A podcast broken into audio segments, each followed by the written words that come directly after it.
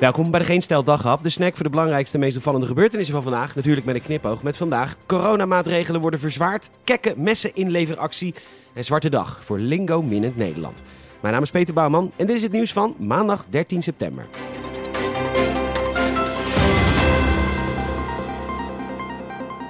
Nou, nou, nou, nou, het is me wat. Een verzwaring van de coronamaatregelen, terwijl 85% van de 65-plussers is ingeënt. We hebben een vaccinatiegraad waar menig land jaloers op is. En toch, de anderhalve meter afstand hoeft niet meer, maar in ruil daarvoor mag je straks geen restaurant meer binnen zonder QR-bewijs van een vaccinatie, recent ziektebeeld of negatieve test.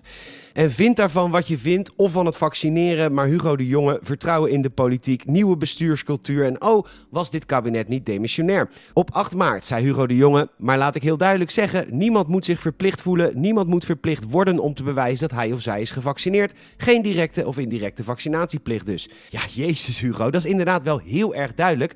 En vooral de horeca is boos, want zij voelen zich politiek misbruikt, want zij moeten nu iedereen gaan controleren zonder dat ze daarvoor langer open mogen. Dat blijft 12 uur s'nachts. En bovendien, ja, ik werk ook een paar avonden per week in een restaurant. Er zijn veel te weinig mensen. Hoe gaan we dat uitvoeren? Maar goed, wij namen alvast een kijkje bij een gezellig restaurantje die de Corona Check App al lang gebruikt.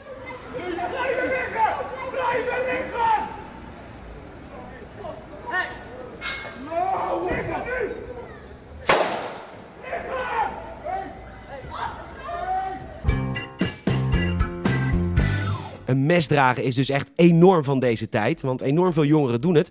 En het mag ook gewoon, tenminste beperkt. Een mes tot 28 centimeter mag je gewoon dragen. Waarom die grens op bijna zwaardformaat ligt, is niet helemaal duidelijk, maar het mag. Maar goed, er zijn dus te veel messen op straat en dus heeft de overheid een kekke actie bedacht.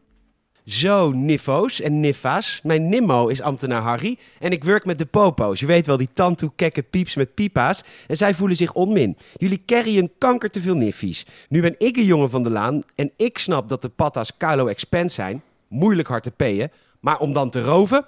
En daarom mogen jullie, jullie en al je matties jullie niffies inleveren zonder dat blauw je veegt. Dus drop je knife en doe wat met je life, hè? Heel goed. Wat is het verschil tussen een taxi en een Uber? Nou, een paar. Taxichauffeurs liegen over het algemeen iets vaker, want ze zijn er altijd tussen 15 en 20 minuten en dat is altijd langer. Bij Uber kun je gewoon kijken waar de auto rijdt. Ook de ingeschatte ritprijs is een verschil. Bij een taxi klopt er vaak geen reet van en nee, het valt nooit mee. Bij Uber weet je het van tevoren. En nee, het verschil is niet zo groot als in het land van de onbegrensde uitbuitingsmogelijkheden, maar ook in Nederland zijn Ubers iets goedkoper. En dan de feedback. Heb je wel eens feedback gegeven aan een taxichauffeur? Nou tip, doe dat rennend als je al op je bestemming bent, liefst in de buurt van een muur, want een auto is een teringhandig moordwapen iets langer dan 28 centimeter. Bij Uber kun je achteraf in de app vermelden dat de chauffeur een lul met vingers was. Tot zover de verschillen. Uber is iets beter, maar niet als je ervoor werkt. En daar heeft de rechter nu een stokje voor gestoken. Ook Uber-chauffeurs moeten in dienst worden genomen van het bedrijf en betaald worden volgens de taxi-CAO. Kut voor het Amerikaanse Uber. What the hell is een CAO? Goed nieuws voor Uber-chauffeurs, maar je nu niet zo gaan gedragen als de meeste taxichauffeurs, oké? Het best bekeken nieuwsbericht bij de Telegraaf vandaag. September, populaire maand onder vreemdgangers. Dat zegt de Engelse variant van Second Love, wat ook Engels is, maar Illicit Encounters is daar ook gevestigd.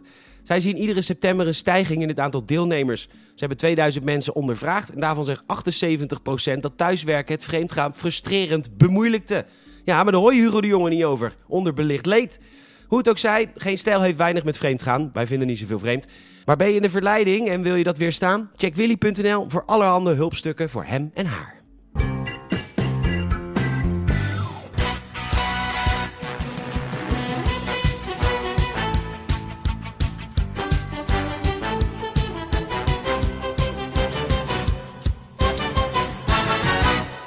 Het is een gitzwarte dag voor Lingo-liefhebbend Nederland. Hij werd Mr. Lingo genoemd en hij heeft het televisiespelletje echt op de kaart gezet. Honderden afleveringen wist hij met een kwinkslag te presenteren. Altijd luchtig, amusant, vermakelijk, een echte showman. Maar bovenal een leuk en lief mens. Helaas is dat nu voorbij. Robert ten Brink is 65 jaar oud geworden. Sorry, wat?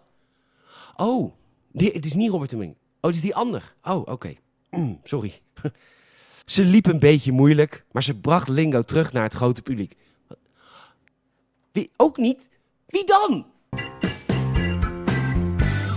Bedankt voor het luisteren. Je zou ons enorm helpen als je een vriend of vriendin vertelt over deze podcast. Je kan ons volgen via Spotify of vriendvandeshow.nl. En je kan ons een Apple Podcast review geven. Vijf sterren, alsjeblieft. Morgen is er geen daghap. Woensdag weer. Tot dan.